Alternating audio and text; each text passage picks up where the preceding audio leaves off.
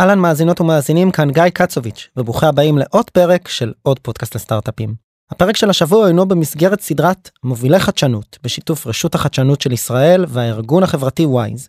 במסגרת הסדרה נציגי רשות החדשנות משוחחים עם מובילי הכלכלה והחדשנות בישראל לשיחות אחד על אחד ברחבי הארץ. אנו בעוד פודקאסט לסטארט-אפים משדרים את השיחות האלה ונותנים לכן מאזינות ומאזינים גישה אליהן אצלנו בפודקאסט באופן בלעדי. אני מאחל לכם האזנה נעימה וכמובן שאם נהניתן ונהניתם מהפרק הזה אנא תשתפו. עוד פודקאסט? עוד פודקאסט. עוד פודקאסט לסטארט-אפים.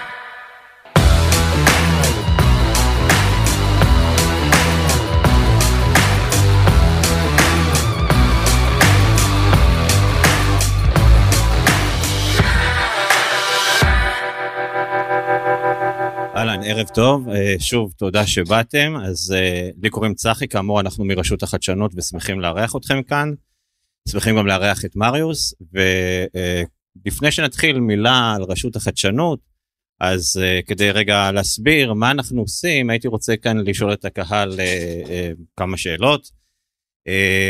בואו נדבר רגע על הייצוא. מישהו יודע להגיד כמה מהייצוא שמדינת ישראל מייצאת לחו"ל, כמה ממנו תורם ההייטק באחוזים? כן, נכון, זו שאלה, זו תשובה נכונה, 50, 51 אחוז, אלה המספרים האחרונים. איזה אחוז מכוח האדם העובד עובד בהייטק? נכון, 12 אחוז, ואם כבר נגענו בכוח אדם הזה, אז כמה אה, אחוזים ממס הכנסה שמשלמים בישראל הוא מייצר? לא, 82 זה קצת מוגזם, אבל הוא מייצר בערך 25 אחוז, אה, אז זה בערך כפול מכוח האדם ש, ש, שנמצא ועובד בהייטק, וזה קצת מסביר, המספרים האלה, חצי, מעל חצי מהייצוא ותשלום המס בישראל ועוד הרבה דברים אחרים, בעצם מסביר כמה ההייטק הוא מרכזי בכלכלה הישראלית. וזה מביא אותנו לרשות החדשנות, אנחנו בעצם גוף ממשלתי שבעצם אה, מופקד על, אה, הייתי קורא לזה, על העתודה של החברות, של הטכנולוגיות, שבעצם ירכיבו את ההייטק בשנים הקרובות. הייתי אומר שהמנגנון שבאמצעותו אנחנו משקיעים את הכספים של כולנו, כספי משלם המיסים, באותן חברות חדשניות, הוא בעצם מנגנון של מה שאנחנו קוראים השתתפות בסיכון. זאת אומרת, אנחנו קוראים לחברות וליזמים אה, לקחת את הסיכון הכי גדול שהם חושבים שהם מסוגלים לקחת, להיות חדשניים, לעסוק בטכנולוגיה חדשנית ובשווקים שעוברים שיבוש, ובעצם לקחת את, ה, את החברות שלהם הכי רחוק שהם רק אה, חושבים שהם יכולים אה, להגיע, ובהיבט הזה מה שאנחנו עושים, אנחנו אומרים להם, אנחנו נשתתף איתכם בסיכון. זאת אומרת, אנחנו נשקיע במקומות שהשוק הפרטי שמשקיעים, לפעמים כמו מריוס ולפעמים אחרים, עדיין אה, לא כל כך ששים להיכנס, כי הטכנולוגיה עוד חדשה מדי וכי השוק עוד... משובש מדי, אה, ואז אנחנו אומרים להם, אנחנו ניקח על עצמנו חצי מהסיכון, חצי מההשקעה, וכשתבשילו ותהיו אה, מספיק בוגרים כדי שהשוק הפרטי כבר יביע בכם עניין, אז אנחנו ניקח אחורה וניתן לשוק הפרטי לעשות את שלו, וככה מחזורים של גלי טכנולוגיה וגלי טכ... טכנולוגיה שבאים וגלי טכנולוגיה שהולכים, מנסים לאתר אותם ולהשקיע בהם. ואחד מהגלים המרכזיים שאנחנו זיהינו ממש בשנים האחרונות ואנחנו משקיעים בהם די הרבה, קשור בעצם לנושא שנדבר עליו היום יחד עם מריוס. זהו, אז זה אנחנו רשות החדשנות, ואני חושב שהגיע הזמן אה, להכיר קצת את מריוס. אז אה, מריוס נולד להורים שהם ניצולי שואה ועלה לישראל בגיל שלוש. הוא התגייס לצה"ל ב-1980 במסגרת המחזור השני של תוכנית תלפיות. הוא אחד מהבוגרים הראשונים שלה. יש לו תואר ראשון בהצטיינות בפיזיקה ומתמטיקה מאוניברסיטה העברית ותואר שני בהנדסת חשמל ומערכות תקשורת מאוניברסיטת תל אביב. ב-93 מריוס הקים את חברת צ'ק פוינט יחד עם גיל שוויד ושלמה קרמר ונחשב לאחד מהאבות המייסדים של תעשיית אבטחת הסייבר בישראל.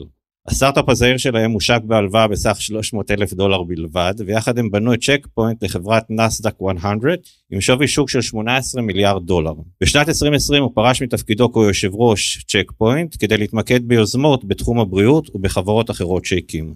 אה, חשוב לציין שמריוס תורם הרבה למגוון רחב של פעילויות פילנטרופיות, הוא לא רצה שנרחיב אז אני לא מרחיב, חבל. אה, ובמהלך 2017 אה, מריוס יזם מהלך להקמת להקמת בנק דיגיטלי חדש, הראשון בישראל, שבין משקיע, משקיעיו היה היזם אמנון שעשוע, שמוכר מחברת מובילאיי. בספטמבר 2019 בעצם אישר בנק ישראל את הקמת הבנק הזה, והוא, כמו שאתם רואים בפרסומות ובטלוויזיה, הוא פעיל ובנק לכל דבר, בנק דיגיטלי מלא. אבל אולי נגיע לדברים החשובים, אז מריוס הוא בעצם מייסד ומשקיע עוגן של קרן ההון סיכון aMoon. זו למעשה הקרן הגדולה מסוגה בישראל והיא מנהלת יותר מ-1.2 מיליארד דולר והיא משקיעה בטכנולוגיות בריאות שעל חלקן אנחנו נדבר היום. ובנוסף הוא משקיע בחברות הייטק רבות בתחומים של מדעי החיים, סייבר, קיימות, אנרגיה, מעבדים. זהו, זה קצת על מריוס, הוא לא מרבה להתראיין ונדיר לשמוע אותו ולכן אני מאוד מאוד שמח שיש לנו היום הזדמנות לדבר איתו. ערב טוב מריוס. ערב טוב. אז uh, מה שנרצה לעשות איתכם זה בערך uh, לדבר שלושת רבעי שעה, שעה, נראה כמה נהיה מעניינים, uh, לדבר ביחד ואז uh, לפתוח באמת את השיח לשאלות שלכם.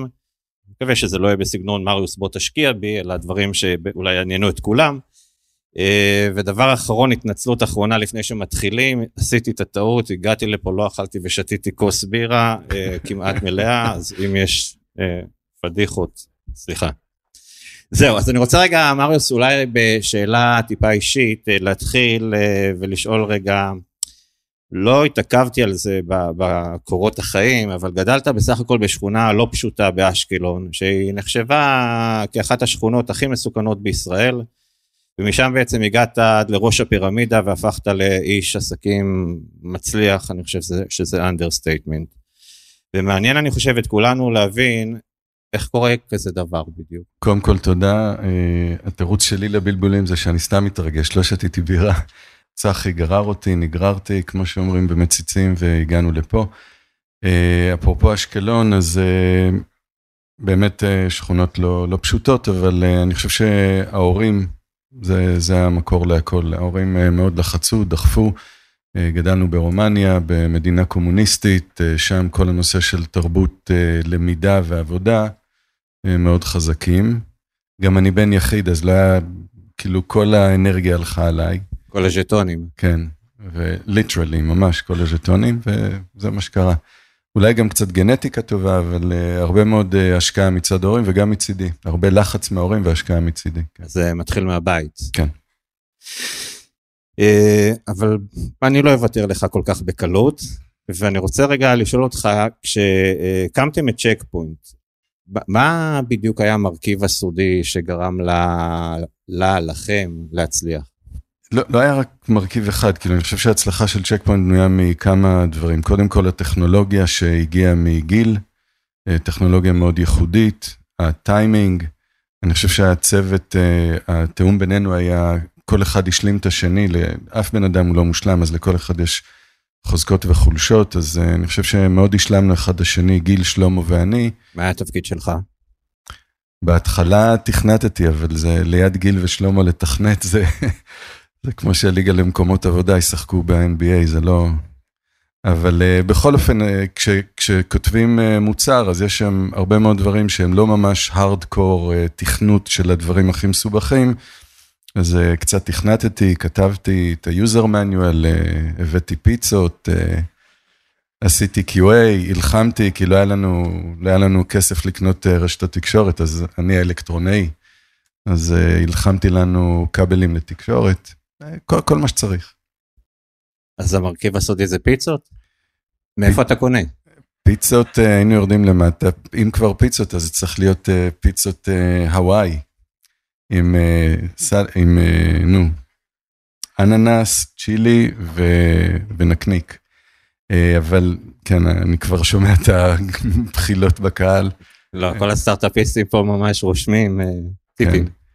אבל uh, מהר מאוד אחרי ש... מהר מאוד הגענו למוצר, אני אחרי, הייתי אחראי על הבטות הראשונות, ואחרי שהיה כבר מוצר שהיה מספיק טוב, כאילו אני מקצר לכם את תולדות התשעה חודשים הראשונים, כי תוך תשעה חודשים כבר התחלנו למכור, אז מהר מאוד עליתי על מטוס. אבל ו... בכל זאת, זה, זה מזל מה שקרה לכם? לא, לא, אני, אני שמעתי מישהו שהגדיר מזל, אה, מזל זה היכולת לזהות הזדמנויות, ולזהות אותן ולנצל אותן. אז אם יש למישהו מזל, אז יש לו את שתי היכולות האלה, אז זה כבר לא מזל.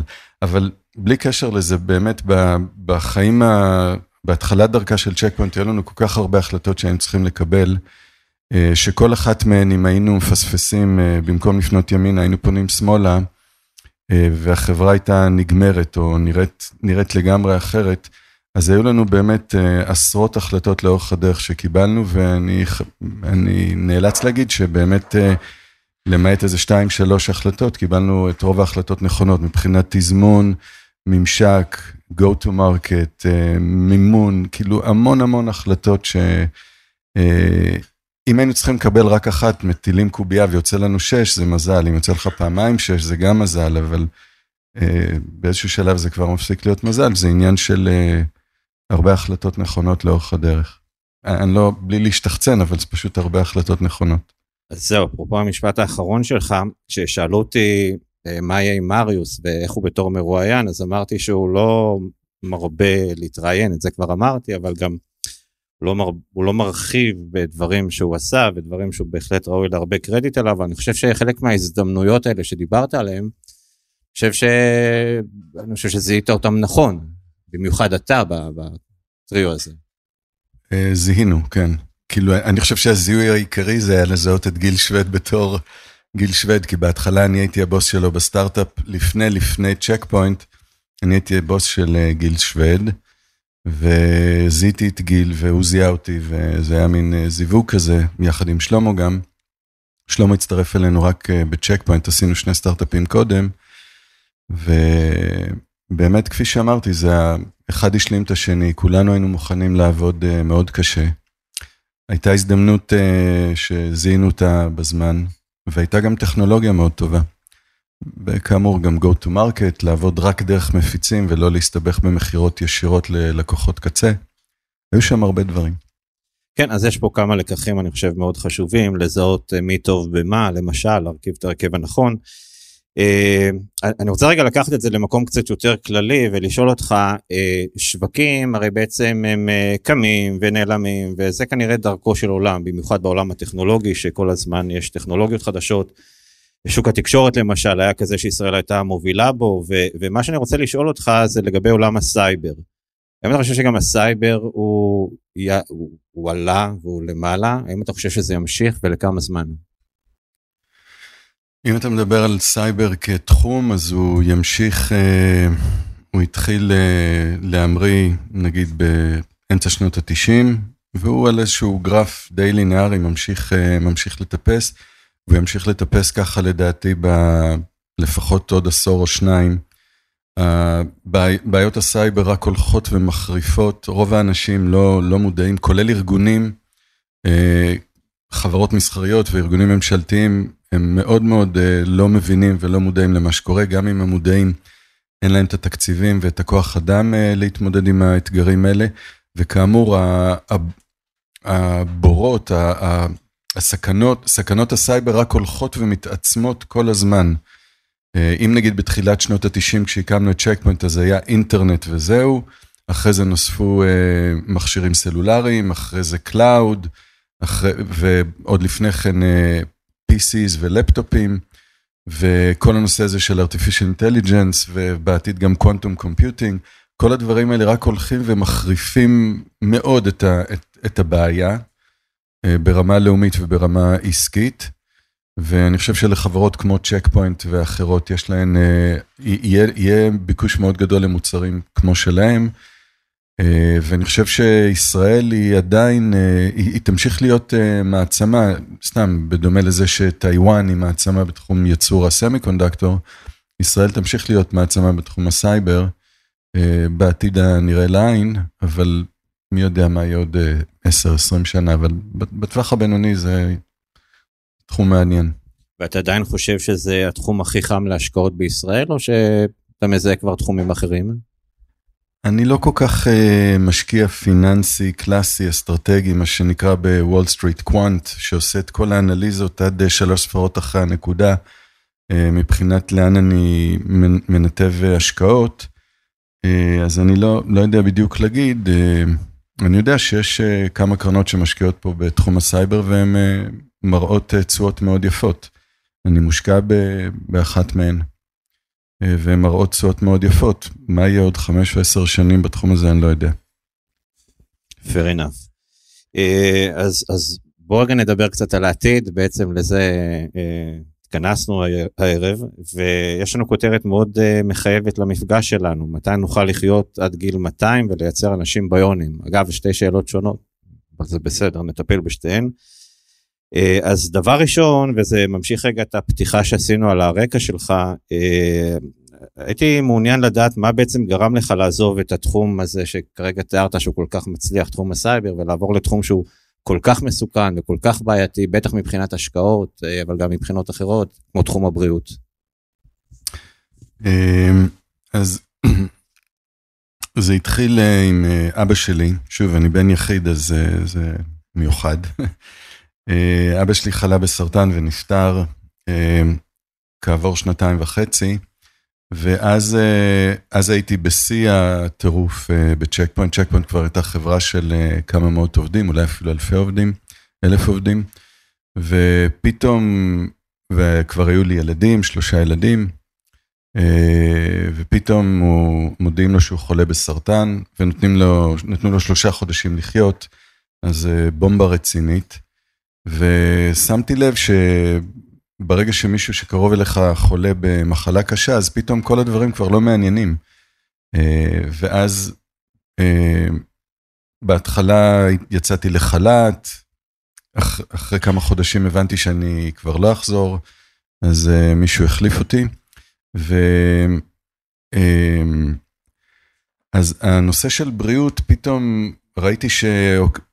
אני בא מרקע טכנולוגי של פיזיקה, אלקטרוניקה, תוכנה, דברים כאלה, אבל אה, ראיתי שבריאות וביולוגיה זה, זה תחום שהוא הרבה יותר אה, קריטי אה, לנו כבני אדם.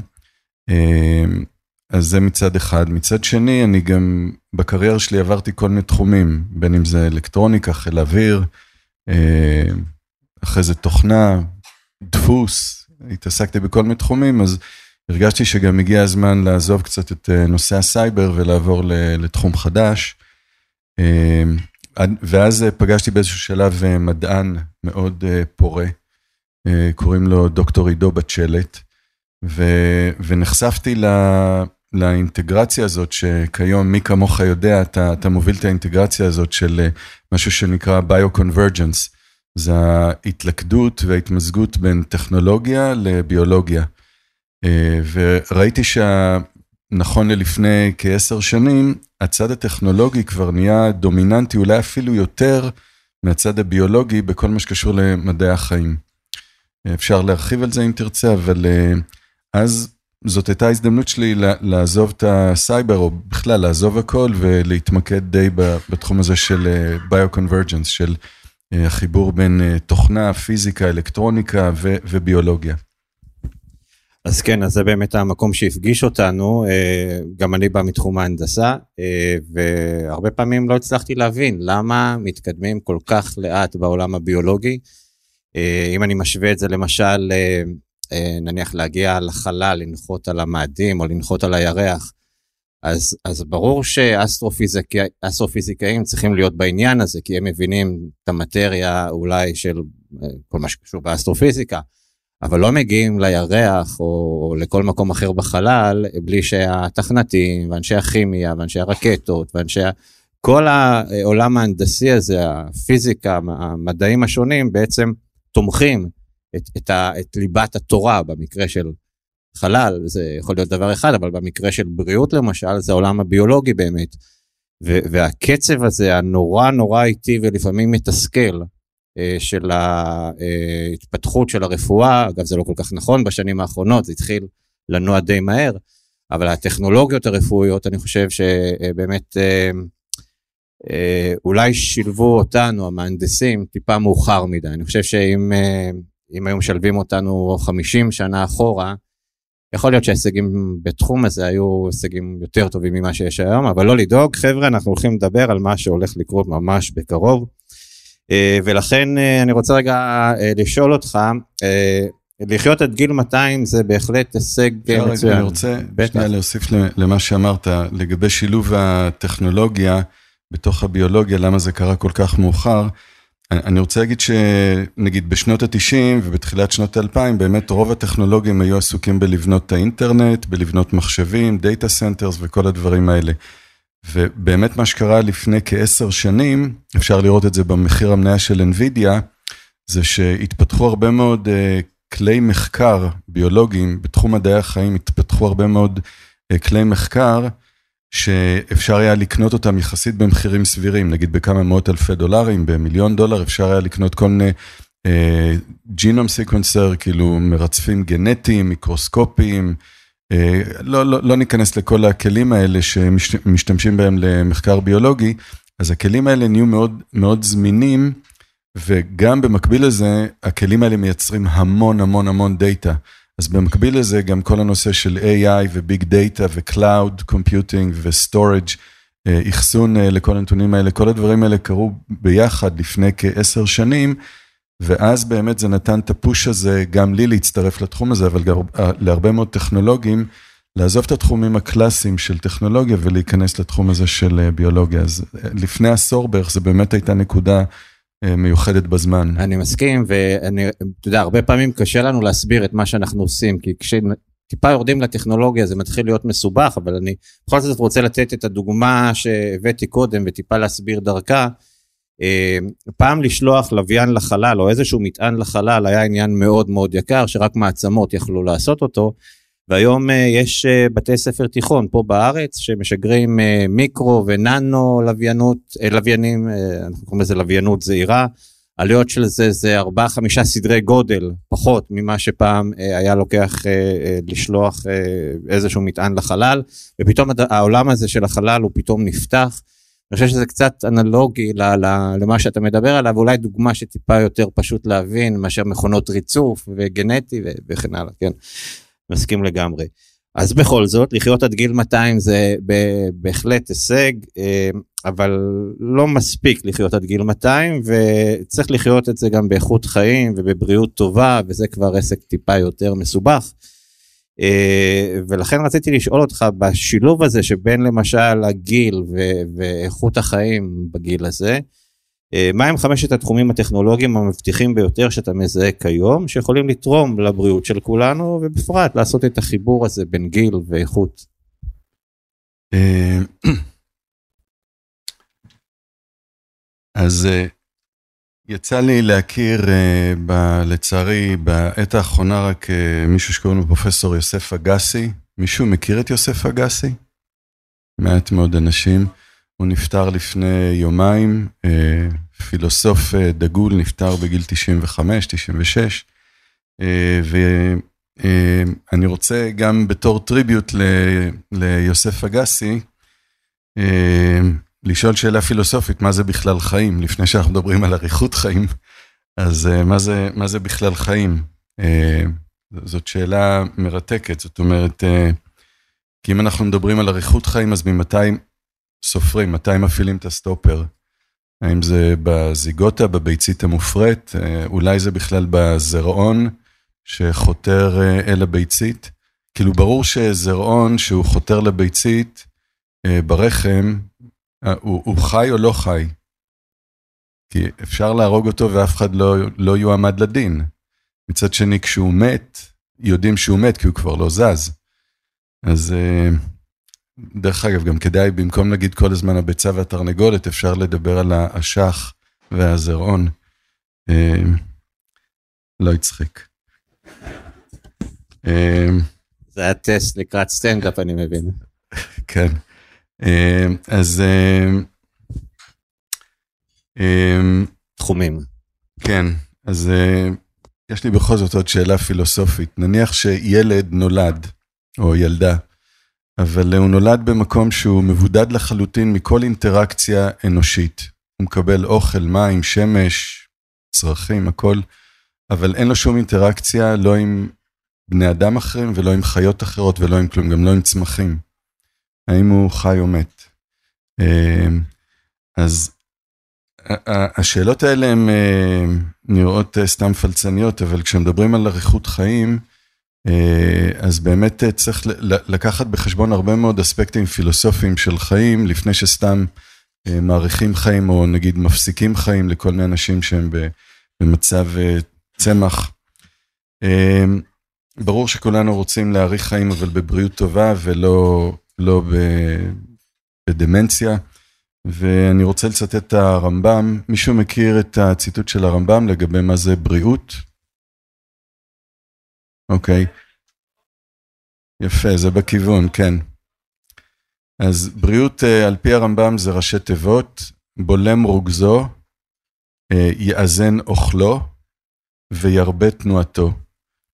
אז אה, אם אנחנו רוצים להיות בריאים ולחיות הרבה שנים בלי טכנולוגיות, בלי כלום, בדברים הכי הכי פשוטים, אז כדאי להקשיב לרמב"ם.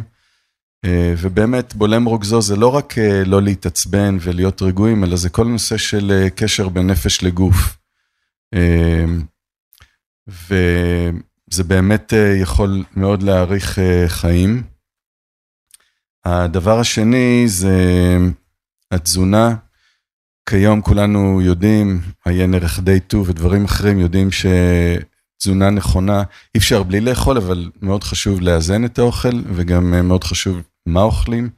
בייחוד כיום שיש לנו כזה שפע של מטוגנים ומתוקים ומלוכים, ו... אז uh, התחום הזה הוא גם כן מאוד חשוב של התזונה עצמה.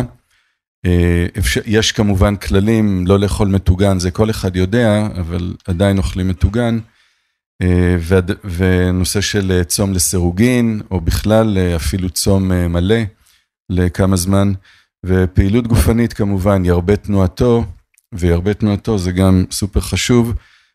אה, אני רוצה להגיד לא ספורט, כי מספורט נפצעים ולא תחרות ולא דברים כאלה, אלא פשוט דברים שקשורים לגמישות, הרבה מאוד כוח לבניית אה, עצם, אה, וכמובן פעילות אירובית, פעילות אירובית כל יום.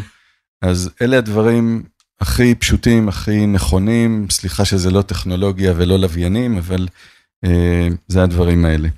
אם אתה בכל זאת תתעקש ואני מכיר אותך, אז נדבר על תחומים. אז אה, רשמתי לי פה כמה דברים, אפילו יותר מחמישה תחומים, אה, אבל חשוב לי להבין קצת בקהל, כמה אנשים מכירים, מבינים ביולוגיה, DNA, RNA, פרוטאינים? וואו. אה, אוקיי. מרשים. הטענה שלנו זה שיש הרבה ביולוגים ולא תמיד יש להם תעשייה שיודעת לקלוט אותם, ונראה לי שההצבעה פה מוכיחה את זה. כן. אז בגוף שלנו יש הרבה מאוד אה, מולקולות, כולם שמעו על ה-DNA ועל חלבונים ועל RNA בגלל מודרנה ופייזר. אה, אז כיום יש הרבה מאוד ציוד מעבדתי וגם ציוד של מעבדות של קופת חולים וכאלה ובתי חולים, שמאפשרים לנו למדוד לכל בן אדם לבצע מדידות של כל מיני מולקולות שהן חיוניות, להבין את המצב הבריאותי של אותו בן אדם. אז יש לנו כמובן גנומיקס, כאילו מדידת הריצוף הגן, יש לנו אפשרות לעשות אה, פרופיל של החלבונים בגוף, אה, כמובן לבדוק את המיקרוביום של הקיבה, אבל יש לנו מיקרוביום גם בפה, גם בעיניים, גם על האור, אה, החיידקים שחיים על פני כל המשטחים שלנו בגוף, המשטחים החיצוניים והפנימיים, אז לבדוק גם אותם. אה, רוב החיידקים האלה הם מייצרים משהו שנקרא מטאבוליטים, שהם תוצרי פירוק, החיידקים האלה כשהם מפרקים כל מיני מזונות משלהם, או את המזונות שאנחנו אוכלים, הם משחררים כל מיני מולקולות שנקראות אה, מטאבוליטים. אה, יש, כיום אפשר לעשות את כל הבדיקות האלה לכל בן אדם, אבל זה יעלה המון המון המון כסף. אה, אני ואחרים השקענו בכל מיני חברות שמאפשרות לעשות את כל הבדיקות האלה יחסית במחירים מאוד סבירים. למשל, אה, בדיקה של כל המטאבולום שלנו בגוף, בדיקה שהייתה עולה פעם עשרות אלפי דולרים לבן אדם והייתה לוקחת 14 יום, ניתן כיום לעשות אותה בעלות של דולר, ועושים את זה פשוט אלפים במכה אחת, אז אי אפשר אפילו למדוד כמה זמן זה לוקח. הנקודה היא שרוב הדברים האלה מייצרים כמויות עצומות של, של דאטה, של נתונים, ואין שום סיכוי שרופא או בן תמותה אה, יצליח להבין מה, משהו מהנתונים האלה, ובגלל זה אנחנו קוראים לעזרתנו את הנושא של AI ו big data וכל הדברים האלה.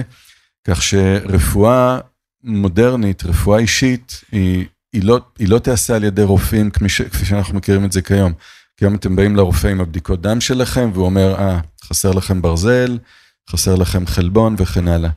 אז הרפואה המודרנית, הטיפול כשכבר יש תקלה ומחלה וצריך לרפא את זה, אה, הריפוי ייעשה קודם כל על ידי בדיקה של כל הדברים האלה, ואני כאמור משקיע ומאוד מתלהב מהתחומים האלה, התחומים האלה הם מאוד טכנולוגיים, כמעט לא קשורים לביולוגיה, הם תחומים מאוד אה, הייטקים.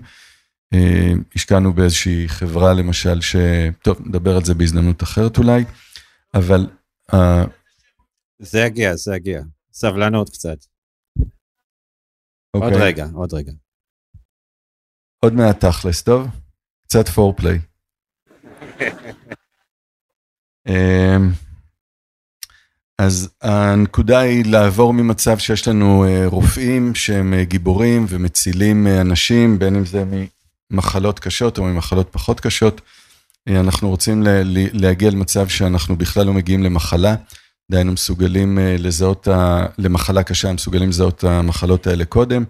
בכל האמצעים האלה אפשר יהיה לזהות את המחלות עוד בשלבים המאוד מוקדמים, כולם יודעים שנגיד אלצהיימר ופרקינסון, אפשר לראות את הסימנים להתפתחות המחלה כבר 10 ו-20 שנה לפני, ויש כבר כיום תרופות מאושרות לדמנציה, שאם נוטלים אותם אה, באותו שלב של 10-20 שנה לפני התפרצות המחלה, אז אפשר באמת אה, להמשיך לחיות איתה בלי, בלי שיהיו אה, בעיות.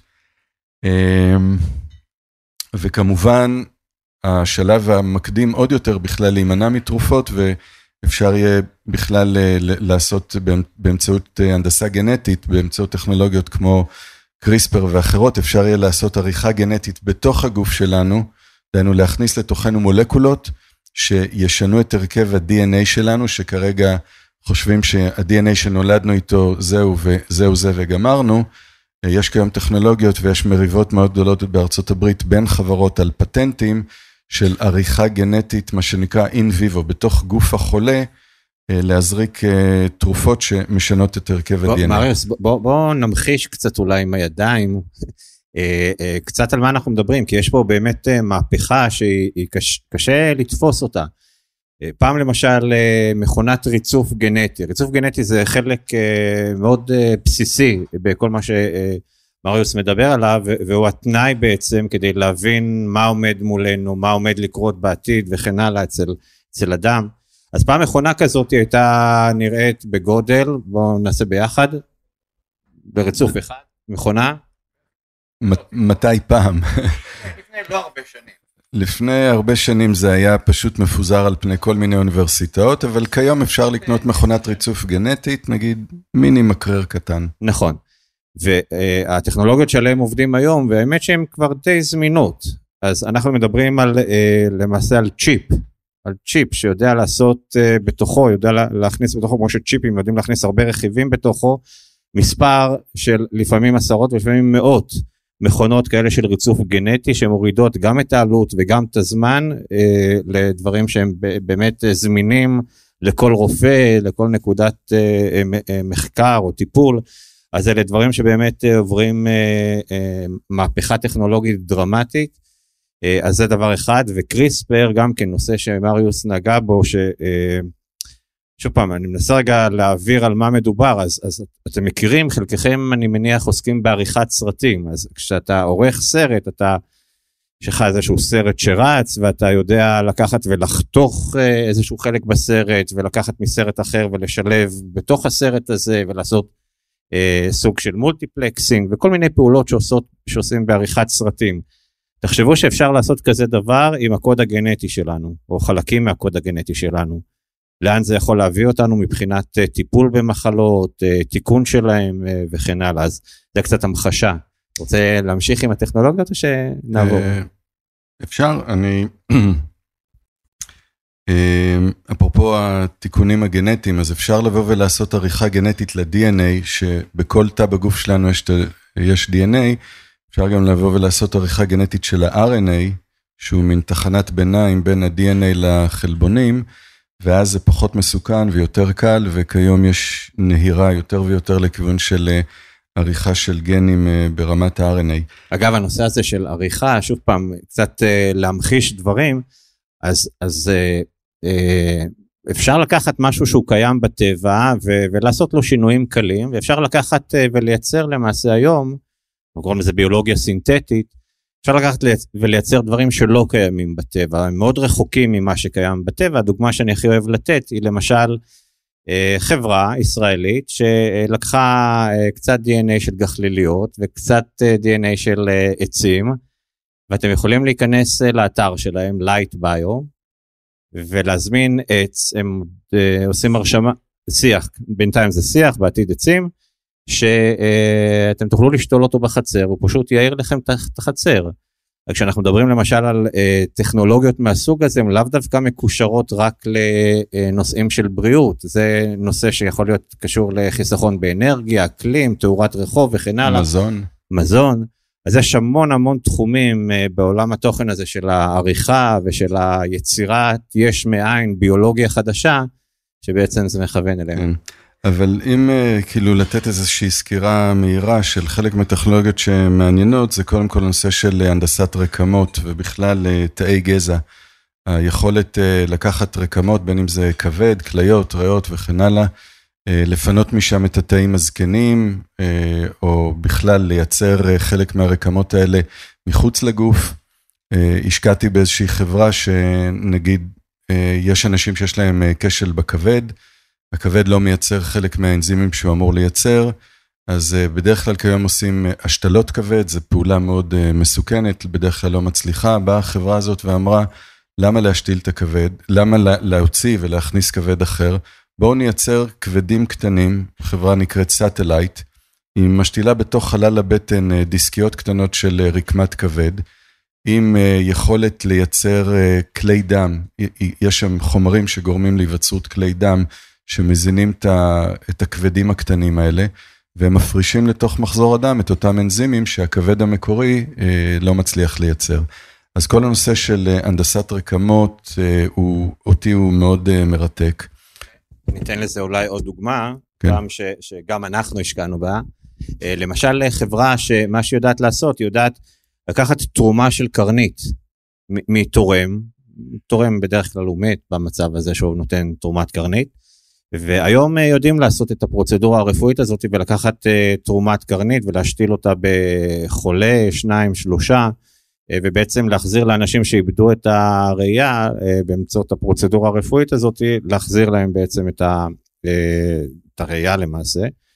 והחברה הזאת, למעשה מה שהיא עושה, היא לוקחת את אותה תרומת קרנית, יש לה אפשרות ממש להרבות אותה בצורה שהיא מחוץ לגוף, כך שתורם אחד יכול לספק uh, בעצם תרומה למאות, ועם החזון שלהם אפילו הרבה יותר ממאות. אז, אז זה למעשה uh, תאים חיים של קרנית, שהחברה הזאת בעצם לוקחת אותה, מכניסה אותם לתוך מדפסת תלת-ממדית, היא מדפיסה באמצעות הדיו הזה, שהוא בעצם תאים חיים של קרנית, היא מדפיסה איזשהו מודול כזה, שאותו בסופו של דבר משתילים לתוך הקרנית והופכים בן אדם עיוור לבן אדם חולה, מאות כאלה, בעתיד אולי אלפים, מתורם אחד. אז זה סוג של באמת החיבור בין הטכנולוגיות.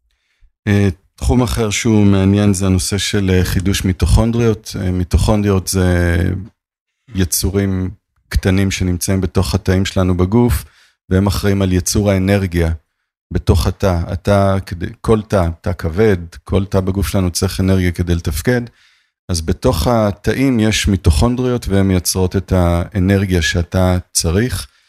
Uh, הרבה פעמים המיטוכונדריות האלה גם כן מזדקנות ומפסיקות לייצר uh, אנרגיה בכמות מספקת.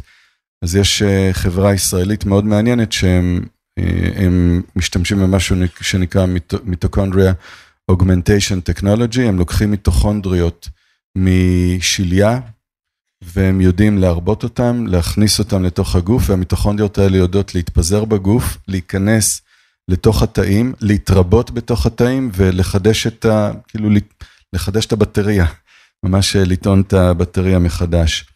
חברה אחרת ישראלית מרתקת שנקראת קארטי היל, שמייצרת אה, סחוס אוריגינל, סחוס טבעי, גורמת להיווצרות סחוס טבעי מחודש, בדרך כלל בברכיים, אבל בעתיד גם במפרקים אחרים, במפרק הירך, בכל מיני מפרקים. הם לוקחים, הם משתמשים באלמוגים שהם קוצרים מכל מיני מקומות בעולם ומשתילים את האלמוגים האלה לתוך המפרק הדפוק. מה שקורה זה, אפרופו תאי גזע והנדסת רקמות, ברגע שמשתילים את אותו אלמוג לתוך מפרק הברך למשל, מכיוון שהעצם שלנו היא למעשה איבר חי, אז מיד באים תאי גזע לתקן את הנזק שנגרם עקב השתלת האלמוג. והתאי גזע האלה משתמשים באלמוג כחומר בנייה על מנת לשקם ולתקן מחדש את העצם, ועל הדרך הן גם בונות מחדש את הסחוס שמעל העצם הפגועה. ובאופן הזה נולד מחדש סחוס, שזה נחשב משהו בלתי אפשרי, נולד מחדש סחוס טבעי של אותו בן אדם, שמצפה את המפרק הפגוע וזה עוזר להם. זה בהחלט איכות חיים. זה איכות חיים, אבל זה יותר חשוב מאיכות חיים, מכיוון שהרבה פעמים אנשים, כשהם מגיעים לגיל מסוים, אם כואב להם ללכת או לרוץ, אז הם מפסיקים, ואז מתחילה הידרדרות מאוד מהירה בצפיפות עצם, ובריאות, ובריאות וכן הלאה. אז הנושא של תנועתיות, הוא לא רק לוקסוס, אלא הוא באמת אה, סופר חשוב. אבל צללת לי מדי לנושאים הביולוגיים, ואני כן רוצה רגע לקחת חזרה לנושאים של, שמעניינים אותי כמהנדס, אז אני אתן עוד דוגמה ברשותך, מריוס. אה, שוב פעם, חברה ש... אה, אנשים פה ביקרו במרכז פרס לשלום וחדשנות, אז, אז זה חברה שממש איך שיורדים במדרגות שם על הקומה התחתונה, היא, היא מול המדרגות, היא נקראת ננו רטינה.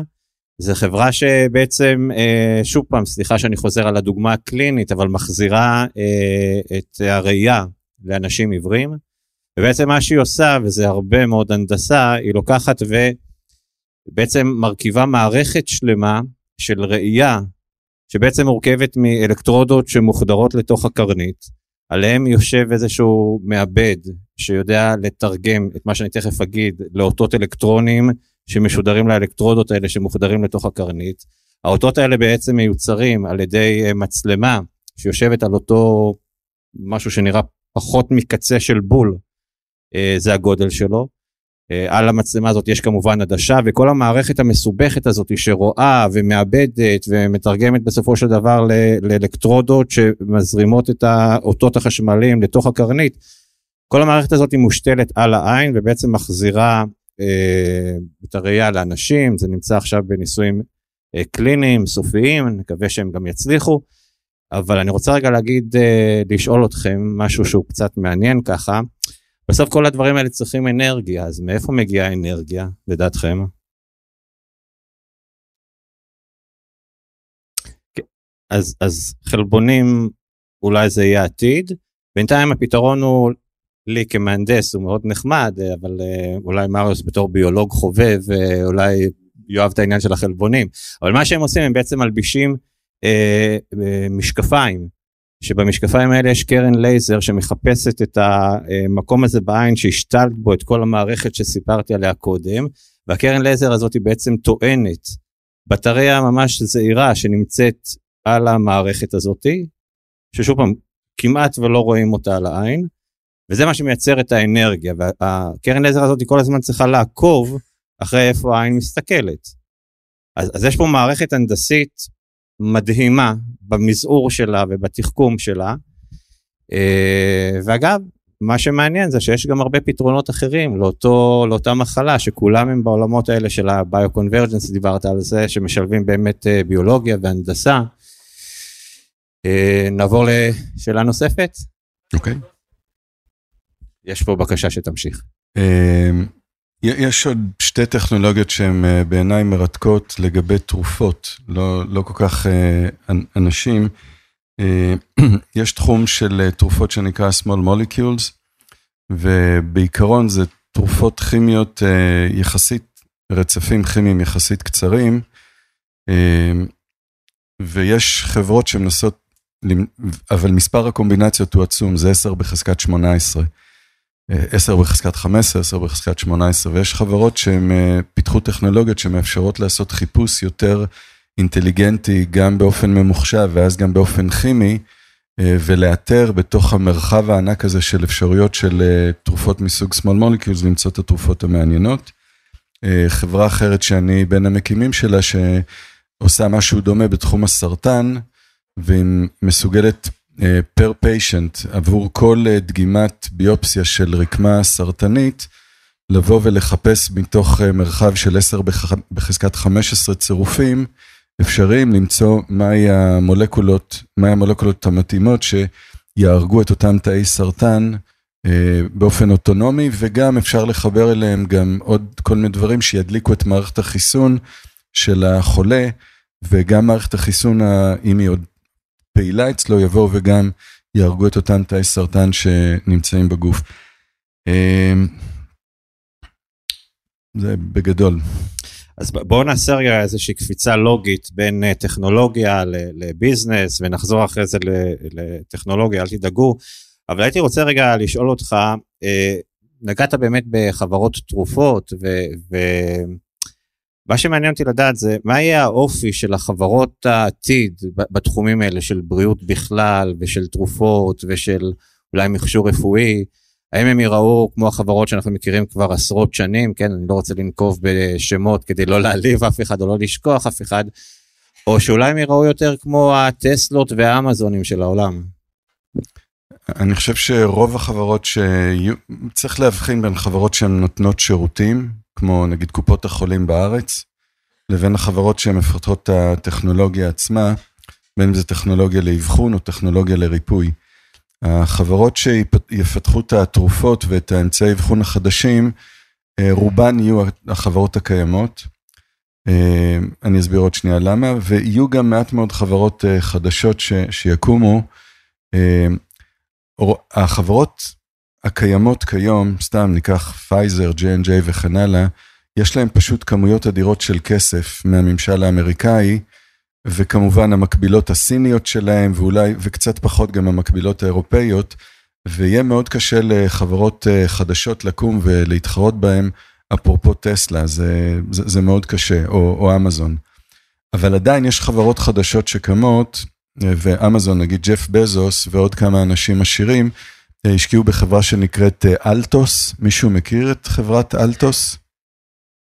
אה, חברת אלטוס זה חברה שהוקמה לא מזמן על ידי רופא יהודי אמריקאי, והם קיבלו, כמו שאנחנו קיבלנו 300 אלף דולר מ-BRM, הם קיבלו 3 מיליארד דולר מג'ף בזוס ועוד כמה חבר'ה כאלה, על מנת לטפל רק בנושא של אריכות חיים. אז חברה מן הסוג הזה, יש לה סיכוי באמת אה, לפרוץ ולהתחרות בכל החברות היותר ותיקות. והן גם הולכות על תחום שפחות מעניין אותן, כי כל החברות הקלאסיות, נגיד J&J ואילי לילי וכן הלאה, ופייזר, אז הן מתעסקות בתרופות, במחלות מוכרות וכן הלאה, והן לא מתעסקות בנושא של הזדקנות. וג'ף בזוס ואחרים אמרו, לא מעניין אותנו ה-FDA, אנחנו רוצים לחיות לנצח, קחו שלושה מיליארד דולר. אפרופו, אותו רופא יהודי הוא בן דוד של עמוס עוז. ואני חושב שיש להם סיכוי להיות, אה, נגיד הטסלה בתחום הרכב, יש להם סיכוי להיות החברה הבאה בתחום התרופות בארצות הברית. כן, וגם חשוב להגיד שזה עסק יקר, העסק הזה של סופר. תרופות, מישהו רוצה ככה, לא מאלה שיודעים, כן, זה לא חוכמה. מישהו רוצה רגע אה, לנחש כמה עולה לפתח תרופה מהרגע שמישהו באקדמיה נניח חושב על איזשהו מנגנון ביולוגי ועד שהיא מגיעה לשוק, סדרי גודל? כן, אז נראה לי שאנשים רימו קצת ומכירים את המספר, אז כן, לוקח סדר גודל של מיליארד דולר, לפעמים יותר, לפעמים הרבה יותר, לפעמים קצת פחות, וכמה שנים? כן, כן. מספר דו ספרתי של שנים, אם להודות על האמת, יש יותר מהירות ופחות. בקיצור, זה משחק יקר, ארוך, אה, ולא תמיד המשחק הזה מתאים לישראל, והעובדה היא ש... אה, השיטות הקלאסיות של פיתוח תרופות, לא הצלחנו איתם לפתח תעשייה בישראל שהיא תעשייה משמעותית, נניח כמו הסייבר או כמו הפינטק וכן הלאה. אבל אני חושב שדווקא אם אה, מגיעים לחזון, שהוא גם חזון שלנו, אני חושב שדווקא ההתפתחויות הטכנולוגיות האלה, והחיבור שלה, בעיקר עולמות ההנדסה, לעולמות הביולוגיים שדיברנו עליהם, זה דווקא מקום שלישראל יש בהחלט מקום לפרוץ בו. אם אין לנו זמן, לא בטוח, אולי נדבר על זה גם בהמשך. בוא נדבר תכלס, לבקשת הקהל. מי החברות הכי מעניינות שהשקעת בהן? אוקיי. אמ, נתחיל בקלאסיקה Day 2. דרך אגב, Day 2 בישראל ובארצות הברית זה משהו אחר לגמרי. בארצות הברית Day 2 מתייחסת, אה, אה, ממליצה על דיאטה מותאמת אישית. בארצות הברית אפשר להסתובב עם האפליקציה של Day 2 ולהגיע למקדונלדס. או לסופרמרקט והמצלמה נדלקת והיא מזהה את הארוחות במקדונלדס או, ב, או את הפיצה הקפואה בסופרמרקט והיא אומרת לבן אדם אם זה מתאים לו או לא מתאים לו. בארה"ב אפשר לדבר גם עם סירי ועם אלקסה ויונה וגם המחיר הוא בהתאם. אז אה, אני חושב שזה סופר חשוב, אפרופו הרמב"ם, הנושא של דיאטה מותאמת אישית, אה, גם מבחינת קלוריות וגם מבחינת מה אוכלים. זה מאוד חשוב, אנחנו יודעים כיום יותר ויותר שהמייקרוביום, חיידקי מערכת העיכול, הם משפיעים גם על אה, מצב הרוח ועל אה, התפרצויות של מחלות נפש וכן הלאה, ול DayTwo יש database מאוד מעניין, אה, שמחברים אותו נגיד לתיק הרפואי, בקופת חולים נגיד כמו כללית, ואפשר לראות, למצוא מתאם בין הרכב חיידקי מערכת העיכול, וכל ההיסטוריה הרפואית של הבן אדם, וזה תחום אה, מאוד זה, מעניין. זה אגב, אם אני יכול פה רגע להשלים, הנושא הזה של אה, אגירת אה, מידע רפואי מכל מיני סוגים מעניינים, וחיבור שלו למה שכולנו כבר מכירים, נניח התיק הרפואי וכן הלאה. אני חושב שאם יש חברות שמזהות את ההזדמנויות הטכנולוגיות, איך לייצר מידע חדש, שהוא לא טריוויאלי, day 2 זה סוג של מצד אחד זה דיאטה, אבל מצד שני, מה שיותר מעניין פה זה המידע שהיא מייצרת והחיבור שלו לעולמות מידע נוספים, ופה נמצא באמת באמת הפוטנציאל הגדול, גם כלכלי וגם בריאותי, ש, של המיזם הזה. כן. אה, חברה אחרת מעניינת זו חברה שנקראת אומיון, שכפי שתיארתי קודם, היא לוקחת אה, ביופסיה מחולה, ובונים, זה לוקח שלושה חודשים, אבל בונים תרופה אה, לסרטן הספציפי שיש לאותו חולה, וחברה נמצאת כיום בניסויים קליניים. ה-FDA מאוד מתעניין בחברה הזאת, משום שזה, כל תרופה היא תרופה חדשה, אז הם לא יודעים בדיוק איך לאשר אותה. כי התרופה שמתאימה לביופסיה של בן אדם א', היא לא תתאים לחולה אחר. אז יש הרבה מאוד התעניינות סביב הנושא הזה של לא של precision medicine, של תרופות שמותאמות לבן אדם, אלא ממש תרופות שמיוצרות uh, custom made, כאילו בתפירה uh, אישית. אומיון, כן, א', ו', מ', י', ו', נ'. אתה פתוח להשקעות? Uh, אתה לא יודע. Uh, חברה אחרת מעניינת, כל הנושא של קשר נפש גוף, אנחנו יודעים כיום ש... מצב רוח משפיע לא רק על הדופק ועל אה, התקף לב, הרבה אנשים חוטפים התקף לב כשהם שומעים בשורה לא טובה, אלא גם על כל מערכת החיסון והעיכול וכל הדברים האלה.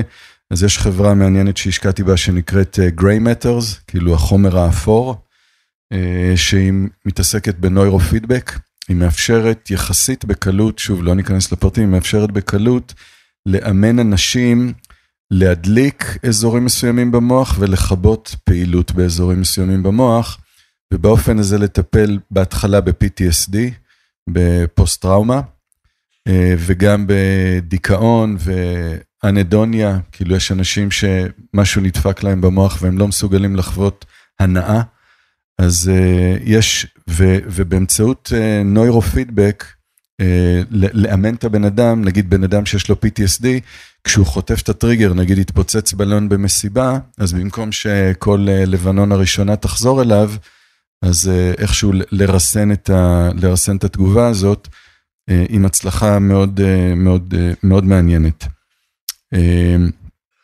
חברה אחרת מעניינת זה, במקום שאנחנו נפתח תרופות, בואו נשתמש בטבע שיפתח תרופות עבורנו. מה הכוונה? אה, תיקחו למשל צבועים. הם, הם אוכלים בשר רקוב, יש לי בעיה פה עם המיקרופון, אנשי הסאונד. אה, אם אתם חושבים על צבועים, הם אוכלים בטבע בשר רקוב, שבתוך הבשר הזה יש המון רעלים, שאם אתם הייתם אוכלים אותו, הייתם מתים בו במקום. אבל החיות האלה פיתחו בתוך מערכת העיכול שלהם חיידקים, שיודעים לפרק את כל הרעלנים האלה. אחד מהם, דרך אגב, זה בוטולינום, שזה הבוטוקס שכל מיני אנשים אה, מזריקים. אז uh, מה שהחברה הזאת עשתה, היא שלחה יוצאי סיירות, כל מיני חבר'ה שהשתחררו מהצבא, לכל מיני מקומות בעולם, לאסוף uh, קקי של חיות בר, כולל לוויתנים, נשרים, נחשים, ולחפש בתוך הצואה של אותן חיות שאוכלות uh, נבלות, uh, או נגיד נחש, כשהוא מקיש, הוא למעשה בולע את ההרס של עצמו, אז לחפש בתוך אותם, uh, בצואה לחפש חיידקים שיש להם אפקטים רפואיים. ואכן נמצאו שם קודם כל ממלכות חדשות של חיידקים, שלא היו מוכרות קודם לאנושות, וחלק מאותם uh, חיידקים יש להם uh, מקטעים שאפשר, הם יכולים לשמש כתרופות, וזה תרופות שאפשר אפילו לקחת אותן בבליעה, כי בדרך כלל uh, חלבונים, תרופות שהן חלבון, צריכים להזריק אותם, אבל החיידקים האלה, המקטעים האלה של החיידקים, פפטידים, אפשר אפילו לקחת אותם בבליעה והם אה, שורדים את אה, מערכת העיכול. עוד משהו מעניין, זו חברה שאני אה, מאוד מאוהב בה אישית, שאנחנו מקימים אותה בימים אלה, זו חברה שמפתחת זן חדש, סוג חדש של תרופות, לא ביולוגיות ולא small molecules ולא דברים אחרים, באמת זן חדש של תרופות שמיועדות uh, לטפל במגוון מאוד רחב של מחלות על ידי השתקת גנים. הרבה מאוד מחלות הן מתפרצות בגלל שיש גן מסוים שהוא עבר מוטציה, או uh, בגלל שהגן uh, הוא גן נורמלי, אבל משהו גורם לגוף לייצר את החלבון שיוצא מאותו גן, לייצר אותו בכמויות מאוד גדולות, וזה גורם להרבה מאוד מחלות. אחת מהן זה למשל אלצהיימר, שיש חלבונים במוח שמיוצרים ב- ביתר, אה, אז אפשרות לבוא ולשתק את הייצור של אותם אה, חלבונים אה, לא, לא בריאים, אז טכנולוגיה ישראלית מאוד מעניינת, אני מקווה שבאמת, אולי סביב החברה הזאת נבנה פה בישראל חברת ביוטק חדשה. אני רוצה להגיד לאנשים שזה מעניין אותם, יש סדרה מצוינת בכאן 11 שנקראת העתיד כבר כאן. אה, חלק אה, לא מבוטל ממה שאנחנו מדברים עליו פה אה, מוגש שם בצורה מאוד מאוד מקצועית מצד אחד הייתי אומר, האנשים עצמם, המדענים עצמם שפיתחו את הדברים מדברים שם, החברות שעושות את זה, אבל מצד שני גם הסיפורים האישיים של אנשים שבעצם נהנו, אם אפשר לקרוא לזה ככה, מהפיתוחים האלה, גם הם בעצם מגיעים חולים שהפכו לבריאים ו- וכל מיני מקרים מאוד מאוד מעניינים. מי שזמין ויכול לראות את הסדרה הזאת, העתיד כבר כאן, באמת מוזמן, זה, יש שם טיפה יותר זמן לפתח כל נושא, ופה האמת שנגמר לנו הזמן ועשינו רק חצי משפט, שזה מתי נוכל לחיות עד גיל 200, נגענו בזה ככה. אבל בואו רגע ננסה להספיק עוד משהו קטן בנושא של אה, אנשים אה, ביונים. מה זה, זה יכול לקרות? בוודאי. א', זה כבר קורה, אני עברתי קטרקט. אה, ניתוח קטרקט, אימא שלי קיבלה שלושה סטנטים בלב, אבל אני חושב שמה שלמשל עושה אילון מאסק בלהשתיל מאות ואלפי אלקטרודות מתחת לקרקפת ולמדוד, או אפילו בתוך הקרקפת, ולמדוד סיגנלים חשמליים, זה, זה, זה משהו שבקופים הוא כבר עובד. דרך אגב, יש סרט מעניין שמראה, מדגים את זה, איך אה, קוף משחק במשחק מחשב בלי להזיז בכלל את הידיים, אלא רק אה, מתוך קריאת הסיגנלים במוח. אה, זה, זה, סרטון מרתק, אני ממליץ לכם לראות אותו. אז אנחנו, אני בטוח שבעתיד התקשורת שלנו אל, אל העולם הזה של AI, כולם בטח שמעו בזמן האחרון על צ'אט GPT, על OpenAI. אנחנו נצטרך בעתיד לתקשר עם AI עם ישויות AIיות של אה, בינה מלאכותית אה, בוודאי כדי לקבל אינפורמציה, אבל גם כדי לעבד מידע שאנחנו קולטים, והתקשורת אה, כיום היא, אידיוטית לחלוטין. אז התקשורת תהיה בעתיד דרך אלקטרודות כאלה שמחוברות אל תוך המוח, שהם לא רק יקלטו מאיתנו סיגנלים, אלא יוכלו גם לשדר חזרה סיגנלים אל תוך המוח, למשל בסגנון של גריי מטרס של החברה הזאת שמטפלת ב-PTSD. אז אני חד משמעית בטוח שגם כיום הרבה אנשים עוברים ניתוח החלפת מפרק בברך ושסתומים בלב, אבל, ואתה סיפרת על ננורטיגנה, על יכולת להתקין רשתית אלקטרונית במקום הרשתית הביולוגית שנדפקה. זה קורה כבר כיום וזה יקרה בקצבים יותר ויותר מהירים, אבל החוכמה היא דווקא לא לעשות על אנשים ביונים, אלא להשתמש ברקמות ביולוגיות, לגדל רקמות ביולוגיות, בין אם בחוץ, בין אם בתוך הגוף, אה, רקמות ביולוגיות שיחליפו את התאים הפגומים שלנו, כמו שסיפרתי למשל על כבדים קטנים, איזה עשרה עשרים כבדים קטנים, שהם יחליפו את הכבד שלנו. או למשל היכולת אה, לקחת אה, רקמה שהיא סיבית, פיברוטית מה שנקרא, אנשים שיש להם ריאה פיברוטית או כליה פיברוטית, ולבוא ולפנות את, ה, את, ה, את הצלקות, את הרקמה הצלקתית מתוך אותן רקמות, לפנות אותן החוצה, וזה לבד מאפשר לרקמה המקורית לתפקד יותר טוב. אם גם מוסיפים לזה קצת אה, מיטוכונדריה, אז לא רק שנפטרנו מהתאים הזקנים, אלא אנחנו גם מביאים אנרגיה לתאים הקיימים, אז אפשר באופן הזה באמת ליצור אנשים שהם ביונים, אבל לא ביונים במובן האלקטרוני או המתכתי של הדבר, אלא הם ביונים במובן הביולוגי. אז זה קצת הרגיע אותי, כי אה, אתה יודע, מדברים די הרבה על אה, משבר הצ'יפים בעולם, ויש אנשים שמזמינים מכוניות, הם מחכים לפעמים שנה, לפעמים יותר, אז אני מנסה רגע לחשוב, כשאנשים יהיו ביונים, עם צ'יפים, מה יקרה כשיהיה משבר כזה, אבל אתה אומר, זה לא בהכרח חייב ללכת בכיוון הזה. כן, אנחנו נעבור לשאלות מהקהל, ובאמת אה, בואו, אה, אם אפשר שאלות שיעניינו פה את כולם. בואו נתחיל מהכיוון הזה, בבקשה. אהלן. אה, אז אני הייתי שמח לשאול שתי שאלות. שאלה אחת היא, באמת, אתה באת מהעולם של הסייבר, מהעולם של החומרה, באת, אמרת פיזיקאי, מהנדס אלקטרוניקה.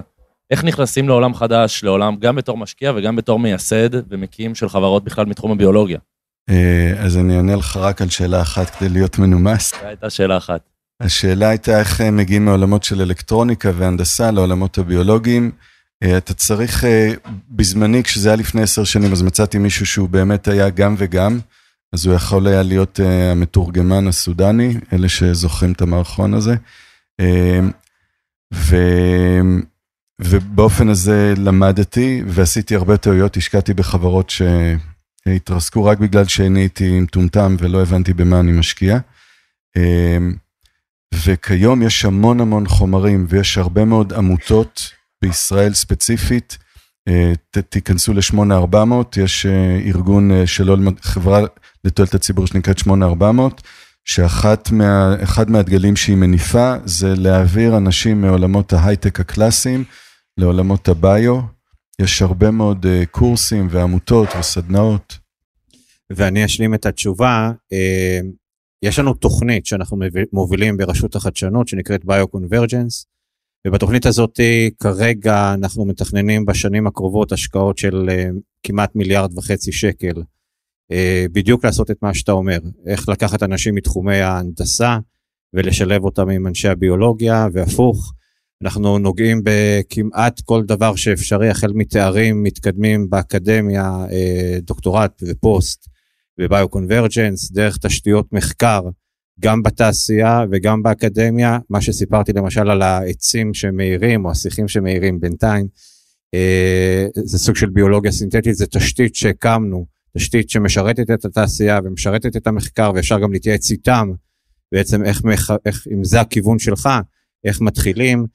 אה, יש לנו חממות טכנולוגיות של רשות החדשנות שעושות mentoring ומארחות סטארט-אפים בתחומים האלה של ביו-קונברג'נס, השקעות מאוד מאוד גדולות אה, במאות מיליוני שקלים בשנים הקרובות בתחום הזה, אז, אז זה קצת לענות לך, אנחנו שמה, תיכנס לאתר שלנו, תראה רגע את התוכנית הזאתי, ואני חושב שחלק מהתשובות תצליח לקבל משם. אני רוצה להשלים את ההשלמה, יש פה גם, נמצא איתנו סמי סגול, שהוא בנה תוכניות uh, בכל מיני אוניברסיטאות. Uh, הוא, בנה, הוא בנה ומממן מסלולים משולבים של אנשים שרוצים ללמוד רפואה או ביולוגיה, חקר המוח וכן הלאה, במקביל למדעי המחשב, מתמטיקה ודברים כאלה. אז אפרופו הילדים או הנכדים שלכם, אם הם בתחילת דרכם, אז יש, יש הרבה מאוד תוכניות שהן משלבות את שני הדברים האלה. תוכניות לא חסר, גם כסף האמת שלא חסר, בטח לשלבים הראשוניים.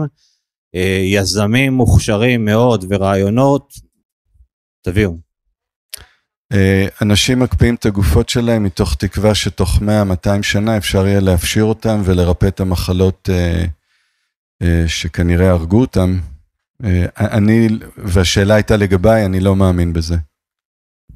אני לא יודע מי מחליט.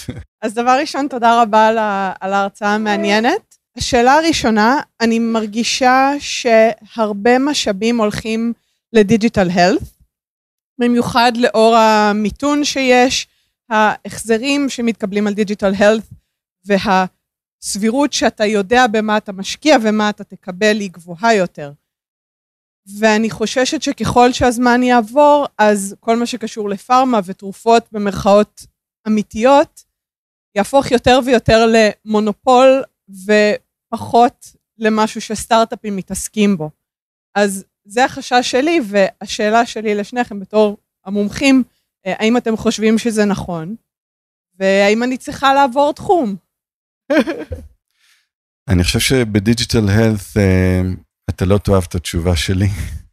אני חושב ש digital health אה, זה נהיה יותר ויותר commodity. כי ב digital health בעיקרון יש דאטה, ואז מריצים אלגוריתם ומגיעים לאיזשהם מסקנות, והדאטה נהיה מאוד מאוד חשוב. ישראל פעם הייתה, היה לה יתרון מאוד משמעותי בתחום הרשומות הרפואיות. היתרון הזה הולך ונשחק. האלגוריתמיקה כיום היא מאוד מאוד פשוטה, אז אין שם, להפך, היא אפילו אוטומטית. אז אני פחות מאמין בדיג'יטל הלת כתחום להשקיע בו בישראל. פארמה זה אפילו עוד יותר מסוכן, אלא אם כן באמת יש לך או למישהו אחר משהו באמת flair, שפיץ פטנט כמו שקוראים לזה, משהו באמת באמת מיוחד, כי העולמות האלה של פארמה וביוטק ותרופות, הם עדיין מאפשרים לרשום פטנטים ולהגן על נכסים אינטלקטואלים אמיתיים.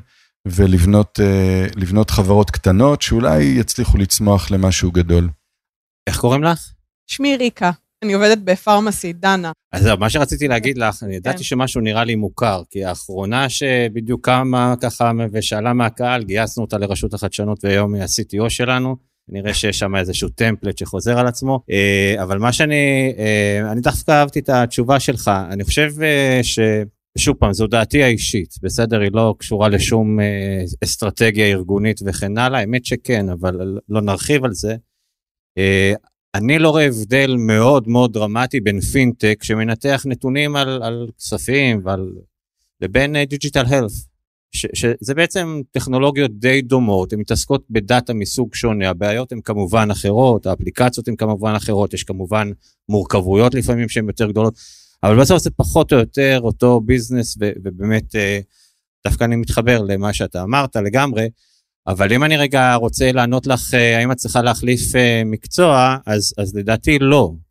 כי פה אני כן נוגע באסטרטגיה, לפחות שאנחנו מנסים להוביל באחת מהתוכניות הכי גדולות ש, שהיו בישראל, וזה שאנחנו חושבים שבישראל יש איזושהי ייחודיות, לא, לא הגענו לדבר על זה, מאוד רציתי שנדבר על זה, על הייחודיות של ישראל. אני חושב שבישראל יש איזושהי ייחודיות של, אה, של אה, המון ביולוגים מאוד מאוד מוכשרים מצד אחד, והמון מהנדסים שמצאו את מקומם, מה שנקרא, בשרשרת הערך, הם עובדים בהייטק, הם מייצרים תרומה מאוד מאוד גדולה, דיברנו על זה לכלכלה הישראלית, ויש שם איזושהי בשלות עסקית בעולם הזה של ההייטק, כמובן אפשר לתת דוגמאות, והחיבור הזה בין החוזק, המדע, הידע הביולוגי הזה אה, שיש אצל הביולוגים, והעולם הזה של הייטק מצליח עם יזמים מנוסים שכבר עשו את זה כמה פעמים, ועם טכניקות של איך מגייסים, והכי חשוב עם החיבור הזה, החיבור הלא טריוויאלי בין המהנדסים, שהם באים לפתור בעיות, הם לא באים לשחק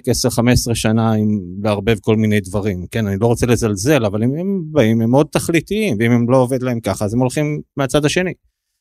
החיבור הזה של התרבויות, של המתודולוגיות פיתוח, וכמובן של הטכנולוגיות, אני חושב שבמקום הזה לישראל יש יתרון מאוד מאוד חזק. לכן אנחנו מאמינים בזה, לכן זו התוכנית הכי גדולה שלנו, אה, ולא, אל תחליפי מקצוע. גם, גם בזכות ה-HMOs יש אה, ייחודיות. תודה על התשובה. שאלה, באתר שלכם כתבת בעקבות ה-300 אה, טכנולוגיות מפציעות, נקבת במספר, 5 עד 10 שנים, שבהם תהיה קפיצה דרמטית בתוחלת החיים, או לפחות טכנולוגיות שיקפצו. אני שואל את זה מכיוון שלא ענית לשאלה מתי נוכל לחיות עד גיל 200. אני מניח לך בנושא של ה-200, אבל עם כל הכבוד למה ששמענו על הטכנולוגיות, ומאוד מאוד נהניתי, לא הבנתי למה בחמש עד עשר שנים הקרובות באמת תהיה קפיצה דרמטית בתוחלת החיים, כמו שרמזתם. אז אה, שוב, אני לא, אני לא חושב שאני נקבתי במספר הזה, אבל אני אשתדל לענות בכל זאת. אני חושב שכבר כיום יודעים על אה, כל מיני תרופות שהן אה, מאריכות תוחלת חיים. יש טיפולים בסגנון, שוב, אני מפנה לסמי סגול, שהוא אחד החלוצים בתחום של טיפול בתאי לחץ רבועים בחמצן. יש הרבה מאוד טכנולוגיות, דיברתי על מיטוקונדריה אוגמנטיישן, כאילו על חיזוק המיטוכונדריות. יש טכנולוגיות לסילוק תאים זקנים מהגוף. כל הדברים האלה, אני חושב שהם כן יבשילו בחמש עד עשר שנים הקרובות, ואנחנו יודעים שבחיות, הדברים האלה מתבטאים בתוחלת חיים שגדולה יותר ב-20 עד 30 אחוז. אז uh, יכול להיות שחלק מהדברים הם לא יהיו זמינים בקופת החולים הקרובה למקום ביתך, ותצטרך נגיד לנסוע לקוסטה ריקה או לשוויץ או למקומות כאלה כדי לקבל את הטיפולים האלה באופן uh, ככה ככה, אבל אנחנו יודעים כבר, יש כיום כבר מספיק דאטה מדעי ואפילו רפואי מניסויים בבני אדם שנעשו בדרך לא דרך על מנת uh, ל, ל, לש, לשכנע, אני השתכנעתי שכן אפשר להאריך תוחלת חיים ב-20-30 אחוז תוך 5 עד 10 שנים. ואני רוצה לענות לך שוב פעם בתשובה שהיא טכנולוגית בעיקרה. אף אחד כמובן לא יודע לנבא באיזה קצב תתקדם הטכנולוגיה, אנחנו יכולים לצפות על בסיס ההתקדמות בעבר, אנחנו יכולים לצפות את ההאצה. אני רוצה קצת לדבר על זה, אני רוצה למשל לתת דוגמה של חברה ש... ש אגב, המנכ"לית שלה יושבת כאן בקהל, ש, שמה שהיא עושה, היא אומרת את הרעיון הבא. אה, זה מאוד נחמד שאנחנו מנסים תרופות למשל על עכברים. לעשות תרופות על עכברים ולראות אם זה רעיל ואם זה יעיל וכן הלאה, זה, זה, זה שיטה שעוסקים בה כבר עשרות שנים, ככה פועלים. אבל בוא רגע נחשוב מה קורה אם אנחנו יכולים לקחת איברים של אנשים, לא של עכברים, כי עם כל הכבוד לעכברים זה עוד לא אנשים, והפוך. אז אם אנחנו יכולים לקחת איברים של אנשים, אנחנו קוראים לזה אורגנואידים, ולשים אותם למשל על צ'יפ, והצ'יפ הזה, אה, אתה יכול להפעיל איתו את האיבר האנושי שאתה רוצה לבדוק, וזה איברים מורכבים, כמו כבד, או כמו אה, איברים אה, מורכבים אחרים שאתה רוצה לבדוק עליהם תרופות, אתה בעצם עשית קפיצת דרך די מטאורית בהתקרבות שלך ממודל של עכבר שהוא לא באמת מדמה בן אדם למודל של תרופה שאתה מנסה על איבר של אדם. הטכנולוגיה הזאת היא קיימת בחברה ברחובות, המנכ"לית שלה יושבת כאן, תחשוב על איזה קיצור דרך אתה עושה. בין המקום שבו אתה מנסה הרבה מאוד תרופות, אתה מנסה אותם בעכברים, הרבה פעמים כשאתה מגיע לאנשים, אז הדבר הזה לא עובד, כי עכבר זה לא אדם.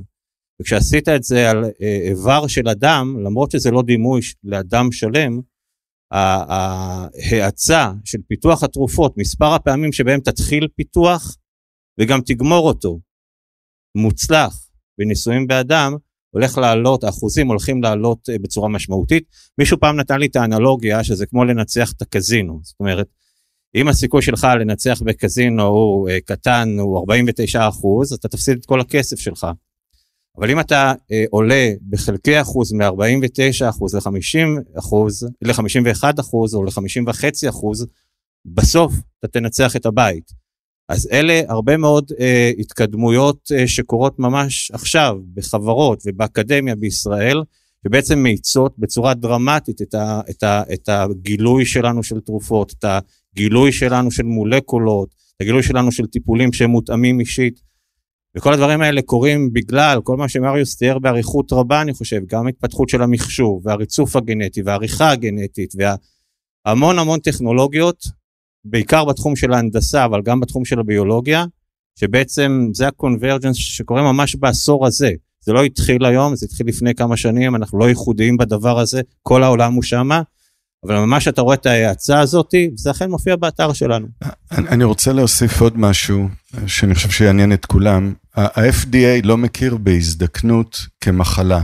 אפילו שהרבה מאוד אה, מחלות הן קורלטיביות לזקנה, ה-FDA לא מכיר בזה, ותחשבו על זה, יש לזה המון השלכות מבחינת ביטוח חיים, ביטוחים, אה, ביטוח בריאות וכן הלאה. מצד שני, כולנו יודעים שזקנה זה מחלה, וקמים יותר ויותר אנשים, כמו שאמרתי, ג'ף בזוס והחברה הזאת שנקראת אלטוס, והם אומרים, לא מעניין אותנו ה-FDA, אנחנו נפתח תרופות, אנחנו ניקח אותן בעצמנו, לעצמנו, ו, ועל מנת לטפל בנושא הזה של אה, זקנה. יש תרופה למשל אה, שנקראת מטפורמין, זו תרופה לסכרת, יודעים שהיא מאריכה חיים אה, לבני אדם, אבל אי אפשר להתוות אותה לאנשים זקנים, או אפילו סתם לאנשים צעירים, אלא אם כן יש להם סכרת. אבל יודעים שבמינונים נמוכים התרופה הזאת מאריכה חיים אפילו ב-20 ו-30 אחוז לכלבים. זאת אומרת, כבר עשו ניסויים כאלה בחיות, שהן מאוד מאוד דומות לנו מבחינה גנטית, ו... אבל ה-FDA לא מוכן לאשר את התרופה הזאת למחלת הזקנה. בעיה היא בעיה, כלכלית. אם יבואו ויגידו בן אדם בן 65 הוא חולה, סתם כי הוא זקן, הוא, הוא משחק אפילו כדורסל, אבל הוא יוכרז כחולה כי הוא פשוט בן 65, אז כל הנושא של ביטוחי בריאות זה, זה בעיקר בעיה כלכלית, לא כל כך אתית. בוא ניתן ל... יש לנו פה שאלה ממישהו מבחוץ, ניתן לו את הכבוד, מה אתם אומרים? כן, בבקשה. ערב טוב, קודם כל אז תודה רבה, זה היה מאוד מעניין. לטובת יזמים שנמצאים פה, אני רציתי, רציתי לשאול אותך אם אתה יכול לשתף אותנו על הפוך, על איזשהו מיזם שפחות הלך לך, ולשתף אותנו לא שהוא נעצר בקטע של הניסוי, אה, אני אשמח לשמוע. שהוא לא נעצר בקטע של כן, אם יש איזשהו מיזם שהיית שותף בו, בדרך כלל הרבה מאוד בתחום ה... והרגנו אותו עוד לפני שהוא הגיע לניסוי? יותר קל לי לדבר על אחד שמת uh, בניסוי. go for it. Uh, אז uh, הייתי אחד המשקיעים הגדולים בחברה שנקראה Beyond Vax. Uh, uh, מדענית מאוד uh, פורה וחכמה בשם uh, רות ארנון ממכון ויצמן, פרופסור רות ארנון. אה, היא חשבה שהיא עלתה על איזושהי תרופה שהיא תהיה חיסון אה, כללי, רב-עונתי לשפעת. אה, החברה נכנסה לניסוי פאזה שלישית, זה הניסוי השלישי והמכריע, נכשלה בו, לא היה, לא היה בו תועלת יותר מאשר בפלסבו, וזה Game Over, חבל מאוד. אבל אני רוצה לחבר את השאלה שלך גם לשאלה הקודמת.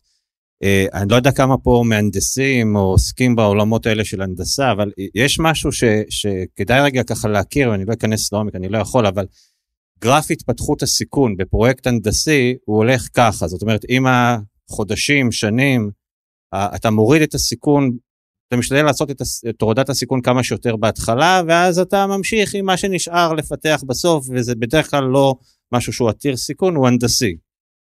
בעולמות האלה של הביולוגיה שאנחנו מדברים עליהם, ובייחוד בעולמות האלה של תרופות, גרף הסיכון ממש לא נראה ככה, הוא נראה כמעט אותו סיכון, הוא קצת יורד כמובן, אבל בסוף אתה עד ש...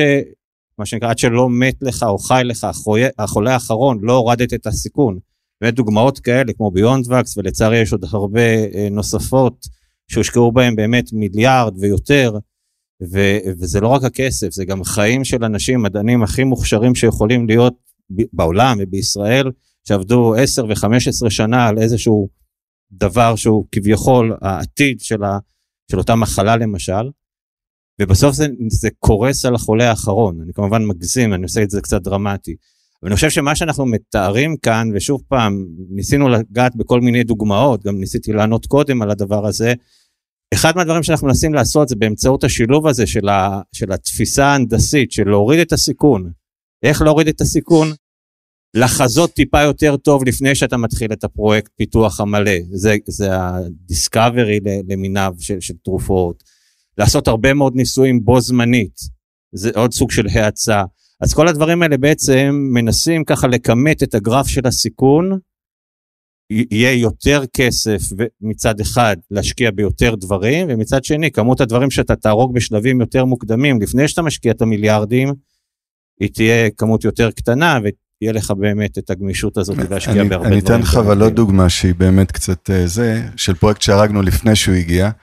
אה, בנינו איזשהו ננו רובוט קטן, לא, לא ממתכת, מחומרים ביולוגיים, שהוא היה מוזרק לתוך מחזור הדם, הוא היה אמור, היו לו סנסורים, הוא אמור היה לזהות תאים סרטניים, כשהוא פוגש את הסרטני הוא היה נפתח, בולע אותו, ובסופו של דבר אה, מפנה אותו לשתן, זה פשוט היה מסובך מדי, והרגנו את זה באיזשהו שלב. לאותה תקופה זה היה מסוכן מדי, ואולי בעוד כמה שנים לא, זה יחזור. מסובך, ו... לא, לא מסוכן, אלא מסובך. כן, אוקיי. ערב טוב, סליחה שאני הורג פה את כל השמחה, אבל אתם לא הגעתם לגברת כהן מחדרה. אתם דיברתם גבוהה גבוהה גבוהה. מחר גברת כהן מחדרה רוצה לעשות את הבדיקה של day 2. האם במקביל, מריוס, עם כל ההשקעות והמחשבה והרעיונות והכל טוב יפה, אתה בונה ערוץ שגברת כהן מחדרה תוכל ללכת ולעשות את בדיקת day 2. אותו דבר מר סמי סגול. עם תאי הלחץ הייתה כתבה, גליה אלבין, זה פורסם, זה לא אני, היא הלכה עשתה את הבדיקה. אבל גברת כהן מחדרה גם רוצה להיכנס לתאי הלחץ. היא לא יכולה, היא לא תקבל תור, היא לא יכולה לשלם, אז היה 20 אלף שקל.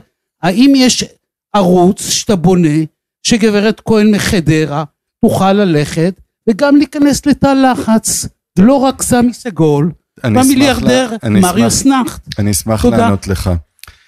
ספציפית, נתת דוגמה לא טובה לטיעון שלך, משום שבדיקת day 2 היא ממומנת על ידי קופת חולים כללית, ואם גברת כהן מחדרה היא חברה בקופת חולים כללית, אז יש איזושהי השתתפות עצמית, אני לא יודע. בינתיים יש את שתי קופות החולים הגדולות בישראל, אז מהבחינה הזאת זה כן משהו שהוא אה, זמין. אבל אני רוצה להגיד לך, לאו דווקא בהתייחסות לישראל, אלא בהתייחסות בכלל למערכות בריאות. להבדיל מעולמות ההייטק, אם יש לי מוצר תוכנה טוב, שמתי אותו באמזון, כולם הורידו אותו, או שמתי אותו בגוגל, באיפה שזה לא יהיה, כולם הורידו והשתמשו, אין לי רגולציה, אין לי כלום, אוקיי? אנשים מורידים לסמארטפון שלהם אפליקציות כאלה על ימין ועל שמאל, אין שום רגולציה ואין שום פיקוח. ברגע שאתה מגיע לבריאות, אתה מסתבך בכמה סדרי גודל יותר. למה? קודם כל, יש את הרגולטור, ה-FDA למשל. יש את, את מבטחי הבריאות, נגיד קופות החולים, יש את בתי החולים, יש את הרופאים, וכל אחד מהגופים האלה יש לו מערכת אינטרסים משלו שהוא נלחם עליה, ומעבר לכל זה, כולם מאוד מאוד שמרניים.